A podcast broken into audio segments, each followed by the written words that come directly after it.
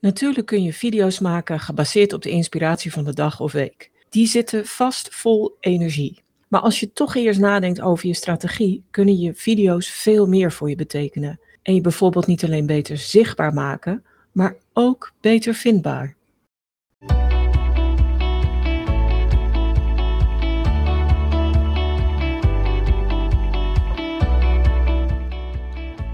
Met video kun je echt een heel waardevol format toevoegen aan de contentstrategie voor je bedrijf. Video heeft namelijk een aantal enorme voordelen. Allereerst is het super veelzijdig. Video's kunnen ultra kort zijn tot ultra lang, met reels en TikToks aan de ene kant van het spectrum en een uur of meer langer durende masterclasses of webinars aan de andere kant van het spectrum. En natuurlijk alles ertussenin. Je kunt denken aan animaties, aan demonstraties, aan video's die een blik achter de schermen geven, aan vlogs, aan hoe-doe-video's van een paar minuten. Eigenlijk is er onwijs veel mogelijk. Een ander voordeel van video in je contentstrategie is dat je ze ook kunt inzetten voor SEO. Je verbetert je vindbaarheid in Google als je video's goed en gericht inzet. Daarover zometeen meer. Met video kun je ook je site aantrekkelijker maken pagina's worden levendiger en misschien ook wel duidelijker en instructiever of informerender op het moment dat je een deel van je boodschap via video deelt op je website. En de combinatie van beeld en geluid werkt natuurlijk extreem goed om informatie over te dragen, maar het creëert vooral ook sfeer. Mensen leren jou, de mensen in je bedrijf, veel beter kennen en krijgen een veel beter gevoel bij hoe je organisatie in elkaar zit, hoe je werkwijze is en voelen eerder een verbinding met je als je video inzet dan wanneer je uitsluitend beperkt tot tekst. Video heeft wel baat bij een strategie, een contentstrategie. Dus vraag je voor je begint af wat je hoofddoel is met video. Is dat bijvoorbeeld het genereren van leads? Wil je met video sales stimuleren of wil je misschien je after sales heel erg verbeteren zodat mensen vaker bij je terugkomen en voor goede mond-tot-mond reclame zorgen? Of wil je video inzetten om je zichtbaarheid te vergroten of juist om je vindbaarheid te verbeteren, zodat mensen je veel sneller vinden in Google, maar ook in YouTube zelf? Als je je hoofddoel duidelijk hebt, dan kun je nog nadenken over welk type content het best past bij je hoofddoel. Wil je bijvoorbeeld kennis overdragen en je expertise tonen? Wil je mensen helpen met service, met after-sales service? Of wil je je doelgroep, mensen die nog helemaal geen klant bij je zijn, helpen met demonstraties van oplossingen? Je kunt ook ervoor kiezen om mensen te inspireren en dat dat je hoofddoel is. En tenslotte kun je ervoor kiezen om mensen te entertainen.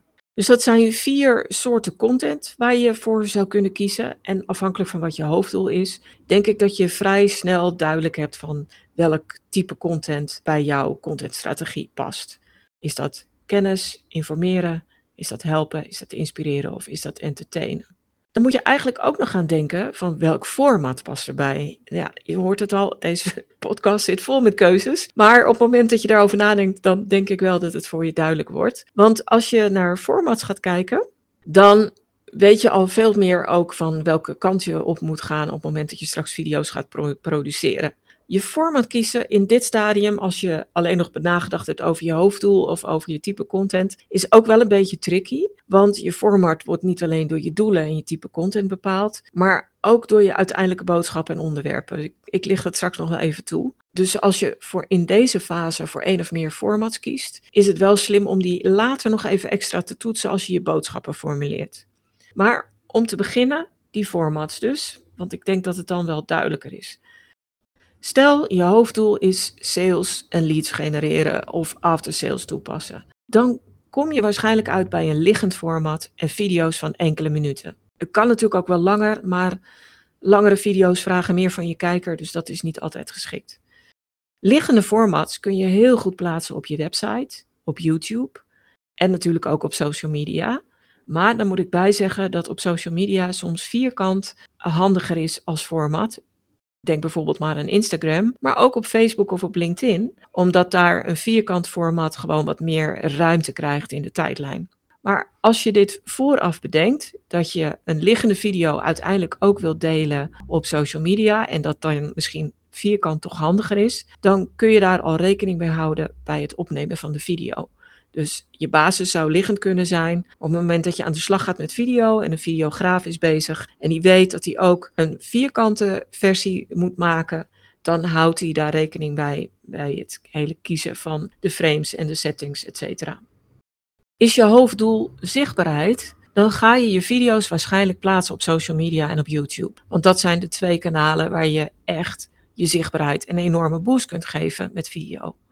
Plaats je ze op YouTube, dan kies je ook weer voor een liggend formaat. En je laat je video's dan zien aan mensen die gericht zoeken. En je stelt ze ook voor aan mensen die naar een verwante video hebben, hebben gekeken. En dat kun je zelfs nog stimuleren door te adverteren op YouTube of door video SEO toe te passen.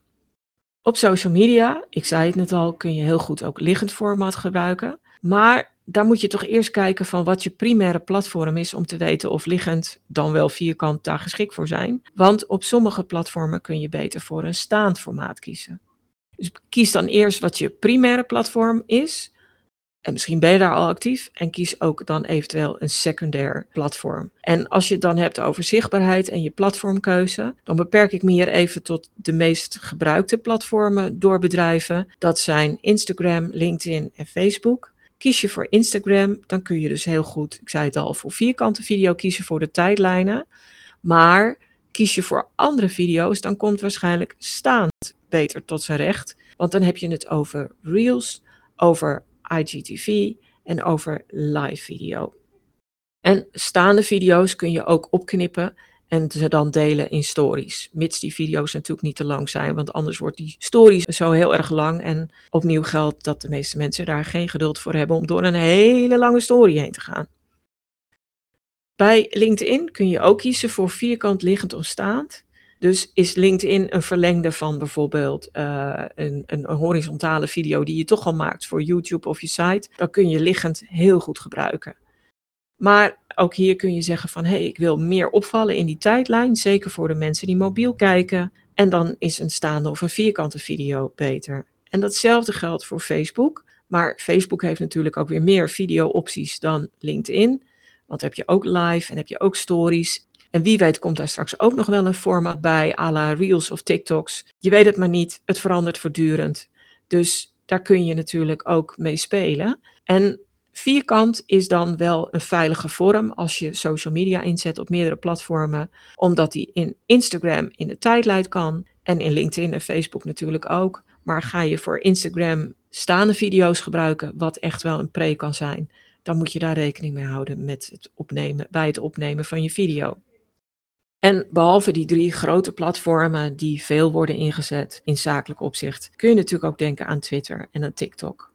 Kies je formats die passen bij vindbaarheid, dan moet je denken aan zoekmachine-optimalisatie, oftewel SEO. En dan denk je ook aan Google. YouTube is dan the place to go, zeg ik altijd, omdat YouTube zelf een zoekmachine is. Het is na Google de belangrijkste zoekmachine ter wereld. En het voordeel van YouTube-video's is dat Google ze ook laat zien in de zoekresultaten. Dan kunnen ze zelfs al heel hoog of zelfs bovenaan staan. Dus op het moment dat je kiest voor vindbaarheid, dan zul je YouTube wel willen gebruiken. Natuurlijk kun je daarnaast je video ook nog embedden op je website, maar YouTube is echt wel de belangrijkste plek daarvoor. En dan pak je Google mee en dan pak je YouTube zelf mee. Wat je eventueel zou kunnen doen, is als je toch al actief bent op Facebook, is dat je dan je video's hier ook doorplaatst. Omdat Facebook wereldwijd de derde zoekmachine is en er natuurlijk ook videoresultaten getoond worden als mensen op bepaalde dingen zoeken. Heb je je doel helemaal helder en heb je je format helder, dan is het tijd om naar je kernboodschap te kijken en om naar onderwerpen te kijken. Je kernboodschap zal waarschijnlijk voortvloeien uit je wens of je gaat informeren of je gaat helpen, inspireren, dan wel entertainen. En op basis van je kernboodschap kun je onderwerpkeuzes gaan maken. Maak eens een lijst met onderwerpen die je heel goed in je video's zou kunnen delen. En kies daarbij, als het even kan, wel voor een rode draad in die onderwerpkeuze, zodat video's naar elkaar kunnen verwijzen. Want zeker als je op YouTube iets gaat doen, maar ook op je website, is het gewoon slim als mensen van de ene video naar de volgende kunnen hoppen. Want daarmee leren ze je gewoon beter kennen en bind je ze langer aan jouw bedrijf en aan jouw boodschap en jouw kennis. Die rode draad kan op twee manieren vormgegeven worden. Je kunt een serie onderwerpen maken met verwante onderwerpen, maar je kunt ook de verdieping kiezen, waarbij je bijvoorbeeld één basisvideo maakt waarin je een basisconcept uitlegt en in aansluiting daarop passende verdiepende video's maakt die dieper op de details uit je basisvideo ingaan. Heb je je onderwerpen, kijk dan ook weer even terug, ik zei het al eerder, naar die formats. Want misschien is een onderwerp ultra kort te behandelen en dan zou een ultra korte video, bijvoorbeeld een reel of een TikTok daarbij passen. Misschien heeft het wat meer achtergrond nodig en dan past een wat langere video erbij. Dus heb je je formats gekozen? Pak dan die er nu nog even naast en kijk nog een keer goed of die passen bij je onderwerpkeuze. Vaak is dat wel het geval, maar het is altijd goed om dat nog even extra te toetsen. Nu heb je al een heel goed overzicht in wat je wilt doen en dan is het tijd om een planning te maken. En in je planning raad ik je aan om een paar dingen in het oog te houden. Kijk goed of je de lijst met geplande video's kunt combineren met andere content. Misschien kun je er ook een artikel bij maken, of zelfs een podcast.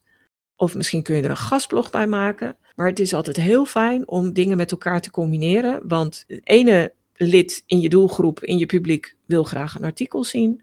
En het volgende wil graag een video zien. En zo speel je op beide voorkeuren in. Maar wat je ook kunt doen is dat als je basis een artikel is, dat je met een video die je embed bij dat artikel wat extra toelichting geeft of net een ander aspect belicht, wat echt een visuele component in zich heeft en dus om een video vraagt. Dus kijk of je dingen kunt combineren. Kijk ook als je je planning maakt of bepaalde onderwerpen in specifieke periodes van het jaar beter passen dan bij andere periodes en gebruik dat dan als lanceermoment. Wat ik ook altijd adviseer in de planning is om content te batchen. En ik weet helaas niet een goede Nederlandse term hiervoor. Maar bij content batchen maak je meerdere video's achter elkaar. En dat is heel erg fijn, omdat je op een gegeven moment in een flow zit van video maken. En je kunt dan ook heel goed een videograaf daarvoor inhuren. En uh, ik sprak een keer voor een klant toen we video's gingen maken. Een videograaf die soms zelfs 40 video's op één dag maakt met een klant. Nou, wij hebben dat toen echt niet gehaald. We hadden echt wat meer tijd nodig. En we hebben toen geloof ik op één dag acht video's geschoten. Maar dat is wel heel fijn, want je hebt een professional over de vloer. Die geeft je nog extra tips en adviezen. Die zorgt dat het technisch super goed geregeld is. En je geraakt in de flow om achter elkaar video's op te nemen. En dan heb je ook meteen een hele voorraad. En tenslotte is het handig om bij je planning ook meteen een productieschema te maken, zodat je kunt bedenken van wat is er voor nodig en hoeveel tijd kost dat en hoe kan ik uiteindelijk mijn hele productie ook goed plannen, zodat ik mijn videoplanning ook echt kan halen en kan waarmaken. Dus samenvattend komen er een paar dingen kijken als je met een video-contentstrategie aan de gang gaat. Wat is je belangrijkste marketingdoel ermee? Wat ga je in die video doen? Is dat informeren, helpen, inspireren of entertainen? Welke formats passen daarbij? Is dat bijvoorbeeld liggend, vierkant, staand? Zijn het aparte formats, zoals Reels of TikToks? Wat is je kernboodschap? Welke onderwerpen passen bij die kernboodschap? En hoe gaat jouw planning eruit zien, zowel qua productie als qua lanceermoment? Nou, daarmee heb je dan de basis voor een contentstrategie voor video. In aflevering 16 van de Content Divas podcast heb ik een aantal andere aspecten van de inzet van video op een rij gezet. Daarin hoor je meer over de plekken waar je video kunt delen, zodat je een betere afweging kunt maken tussen plaatsen van video's op bijvoorbeeld je eigen site, YouTube of Vimeo. Dankjewel voor het luisteren. Voel je zeker vrij om deze aflevering van de Content Divas podcast met anderen te delen als je denkt dat dit van pas kan komen. En heb je zelf een handige tip of inzicht opgedaan met deze aflevering, dan hoop ik dat je een review wil achterlaten. Heb je nog meer vragen? Zoek je meer informatie? Neem dan zeker een kijkje op de website. Die vind je op stroop.nl met dubbel S. En daar vind je natuurlijk ook die handige contentkennisbank waar je allerlei gratis checklists, stappenplannen, handleidingen en nog veel meer kunt vinden.